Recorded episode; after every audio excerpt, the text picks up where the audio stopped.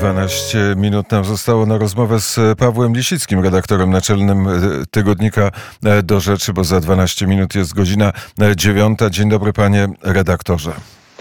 Dzień dobry panu, dzień dobry państwu. Dlaczego Donald Tusk zdecydował się na taki sposób zarządzania państwem? No, dlatego się zdecydował na taki sposób zarządzania państwem, bo jak rozumiem, uważa, że może. Skoro może i ma wystarczająco dużo władzy, no to przeprowadza ten zamysł, a ma to poparcie stąd, że znaczy dysponuje bardzo silnym poparciem ze strony Zachodu. Oczywiście, gdyby się kierować zasadami praworządności i demokracji, czyli tymi zasadami, o których Platforma mówiła przez ostatnich 8 lat, tyle, no to nie mógłby przeprowadzać tych zmian. To znaczy, zaczynając od spraw najpierw mediów publicznych, potem nie mógłby y, prokurator generalny odwołać prokuratora krajowego, powołać prokuratora w jego miejsce tak zwanego pełniącego obowiązki. Nie można by było doprowadzić do tego, do czego doprowadzono, to nie wpuszczenia panów Wąsika i Kamińskiego do Sejmu. No, nie można by było doprowadzić do sytuacji, która zaczyna przypominać swego rodzaju taką dyktaturę większości sejmowej. No ale Donald Tusk, mimo kolejnych ruchów, które wykonuje albo on sam, albo jego najbliżsi współpracownicy, wciąż cieszy się bardzo silnym poparciem najważniejszych polityków zachodnich. Czy to e, Stanów Zjednoczonych z jednej strony, czy z drugiej strony przedstawicieli Unii Europejskiej, czy z trzeciej strony najważniejszych państw Unii Europejskiej, takich jak Niemcy na przykład. Więc mając tak silne poparcie zagraniczne, e, e, przeprowadza tę operację. E, to e, w takim razie, e, no dobrze, to ja jeszcze zacytuję, nie wiem, czy jeszcze, czy masz zwyczaj czytania gazet o poranku każdego dnia? Znaczy mam w internecie, ale proszę, cytuj. Czyli nie masz takiej papierowej gazety e, jednej mam, mam, albo mam. papierowej gazety drugiej. Pokazuję, bo e, może mogą Państwo zobaczyć naszą rozmowę na e, kanale YouTube Radia Wnet. Pokazałem tę gazetę, ale żeby zacytować Jacka Żakowskiego, to a propos stylu rządzenia, bo nawet Jackowi Żakowskiemu to nie do końca się podoba, to z powodu córki pani Róży Tun. O jej odwołanie to brzmi jak podrasowany fragment cesarza Kapuścińskiego, ale nie jak zdarzenie mające miejsce w kraju odbudowującym zniszczony przez kacyzm, pa, kaczyzm państwo prawa. Nie wierzę, że tak szybko upadliśmy tak nisko. Proszę premiera Tuska i wszystkie wymienione osoby o pilne, jednoznaczne i radykalne dementi, bo jeśli istotnie zdarzyły się tak, jak pisze Dominika, a Pols takie rzeczy, a Polska a byłaby to, a Polska byłaby demokratycznym państwem prawa, po takiej publikacji do e, KPRM-u i do Ministerstwa Cyfryzacji powinna z urzędu wkroczyć Państwowa Inspekcja Pracy i kontrola Rzecznika Praw Obywatelskich, a może również NIK i prokuratora. E, to telefon Donalda Tuska, że należy e, córkę Różytun odwołać z Ministerstwa Cyfryzacji z powodu tego, że jest córką Różytun. No tak, ale to jest moim zdaniem kompletny cyrk, cała ta historia. Ja zresztą myślę, że ty tak samo jak i ja doskonale pamiętamy sposób rządzenia Donalda Tuska w, w okresie po roku 2007. On dokładnie tak e, wyglądał. To znaczy, e, e, kiedy, kiedy chciał Donald Tusk pokazać, że w jakiś sposób reaguje i że ma coś do powiedzenia i że tak naprawdę w państwie dzieje się źle, to była taka informacja w mediach, Donald się wściekł albo Donald jest zły albo premier jest zły. No i okazywało się, że właśnie tutaj no, nic nie działa, państwo nie działa, ale Donald jest bardzo wzburzony i ktoś w imię tego Donalda, czy idąc za głosem Donalda, podejmuje decyzje, które się ludziom podobają. No to jest takie zarządzanie, można by je nazwać klasycznym populizmem.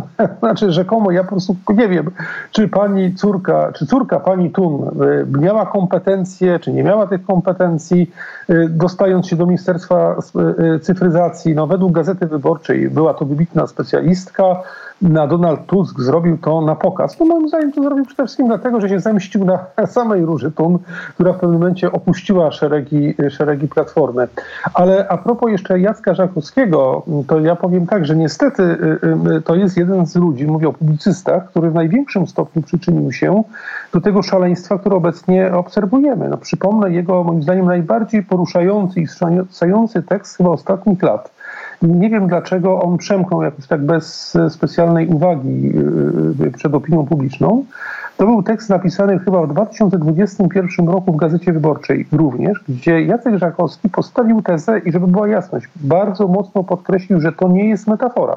To nie jest metafora, podkreślał kilka razy, że PiS, rządy PiSu są winne, winne ludobójstwa, że dokonuje się w Polsce zbrodnia na masową skalę, że PiS masowo morduje ludzi. I tam wymieniał różne powody, dla których uważa, że, to, że, że PiS do, doprowadził do morderstwa, twierdząc, że to nie jest metafora. To znaczy, to jest człowiek, nie tylko on, ale to jest ta, ten sposób myślenia, który doprowadził w dużym stopniu do tego szaleństwa, z którym mamy obecnie do czynienia. Przekraczając wszelkie normalne granice posługiwania się słowem, doprowadził do tego, że jakaś grupa ludzi, zakładam, że to jest e, również część opozycji, czy część elektoratu opozycji, naprawdę uwierzyła w to, że mamy do czynienia z państwem totalitarnym, z państwem autorytarnym, że, że jest tak zwany kaczyzm, który jest odmianą faszyzmu, a faszyzm jest odmianą nazizmu i tak dalej, i tak dalej. Wszystkie te brednie Szczerze mówiąc, ja myślałem, że to jest tylko grupka wariatów, takich, co tam chodzą na ulicę z transparentami i prawda, krzyczą, będziesz siedział. Okazuje się, że wracając do naszego pierwszego pytania, nie, to nie była grupka wariatów, to jest istotny komponent społeczny, który jest zapleczem do Donalda Tuska i dlatego on tak działa. Dlatego działa, bo działa pod wpływem w dużym stopniu, żeby zaspokoić tę grupę myślących o Polsce ostatnich ośmiu lat jako o państwie okupowanym, jako o państwie autorytarnym, jako o państwie e, niedemokratycznym i tak dalej, i tak dalej. Dobrze, to popatrzyliśmy na szczegóły, ale teraz powiedzmy, jaki jest cel działania rządu Donalda Tuska? No jaki cel jest, myślę, prosty, utrzymanie się przy władzy.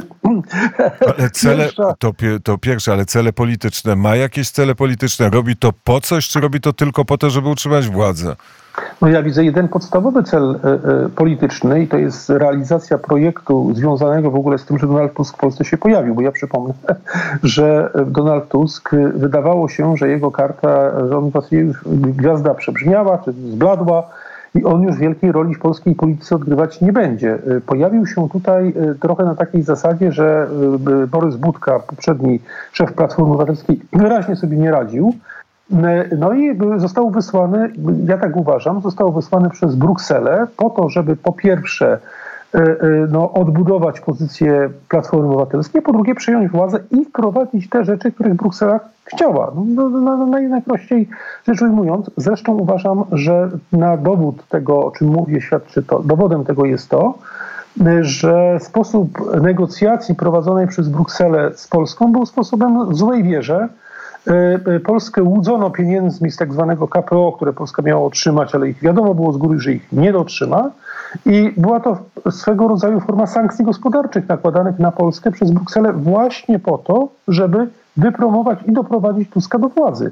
No więc jeśli ta analiza jest prawdziwa, mamy mało czasu, mógłbym ją oczywiście rozwinąć, ale jeśli ona jest prawdziwa, to głównym, podstawowym celem Donalda Tuska jest doprowadzenie do, do takiej sytuacji, żeby Polska została włączona do tego centralizmu Unii Europejskiej i poddała się tym wszystkim regułom, tym wszystkim zasadom, które obecnie w Unii Europejskiej mają obowiązywać pod przywództwem Niemiec i Francji. Myślę, że to jest najprostsze, najprostsza odpowiedź. No i zresztą nie tylko to jest taka analiza od tak sobie z zabiórka, ale te najważniejsze rzeczy, które Donald Tusk mówi, dokładnie na to wskazują, prawda? Nagle pojawia się e, ideologia genderowa. E, pojawia się e, w kolejnych wypowiedziach coraz bardziej zwariowane i coraz bardziej szaleńcze projekty walki z ociepleniem albo ze zmianami klimatycznymi.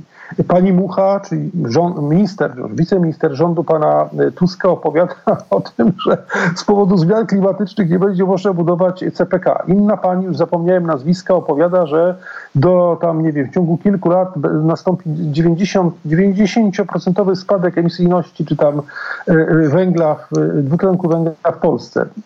Więc jak zbierzemy te wszystkie wypowiedzi razem i ten plan, o którym mówię, mamy do czynienia po prostu z włączeniem Polski czy podporządkowaniem Polski centrum brukselskiego i rezygnacji z ostatnich resztek suwerenności, które jeszcze po prostu zostały. Półtora biliona euro rocznie, tyle będzie kosztować Europę transformacja energetyczna, ponad 3000 euro e, każdego mieszkańca e, Unii Europejskiej. To e, są duże pieniądze, których Unia Europejska nie ma. Weźmie to z podatków, z rozmaitych opłat klimatycznych, ale do czego to doprowadzi? W ogóle jaka, jak pan sobie, jak sobie wyobrażasz to, to, co nastanie dzień po? Czyli po tym, jak uda się przeprowadzić przynajmniej część transformacji energetycznej. Znaczy, ja sobie nie wyobrażam, najkrócej mówiąc. No bo dlaczego mam sobie wyobrażać szaleństwo? No, znaczy, oczywiście mamy różnego rodzaju projekty i projekcje, jak to mogłoby wyglądać, ale ja mam wrażenie, że w tej chwili u, u steru zarządzania Unii Europejskiej znalazła się rzeczywiście grupa ideologicznych szaleńców bardzo niebezpiecznych, kontrolujących dzięki wsparciu również wielkich korporacji i finansów w dużym stopniu przekaz medialny bo e, to, co obserwujemy, zauważmy, że my to krytykujemy, ale w, w, dużym stopniu na Zachodzie to jest wszystko przyjmowane z dobrodziejstwem inwentarza. Czyli te wszystkie brednie opowiadając tam półtora biliona, tutaj to będzie kosztowało, e, do, doprowadzono dużą część opinii społecznej do przeświadczenia, że jeśli ta polityka nie będzie prowadzona, nastąpi armagedon światowy. To znaczy zaraz tutaj y, y, ziemia się rozpadnie, nastąpi, jak to mówią, nie wiem, klimat będzie wrzał i wszystko, y, rośliny, zwierzęta, ludzie wymrą. Stoimy, stoimy w przededniu totalnej katastrofy i ten strach ma spowodować, żeby ludzie przyjmowali kolejne, coraz głupsze i dalej idące rozwiązania. Do złudzenia przypomina to sposób zarządzania w Sowietach.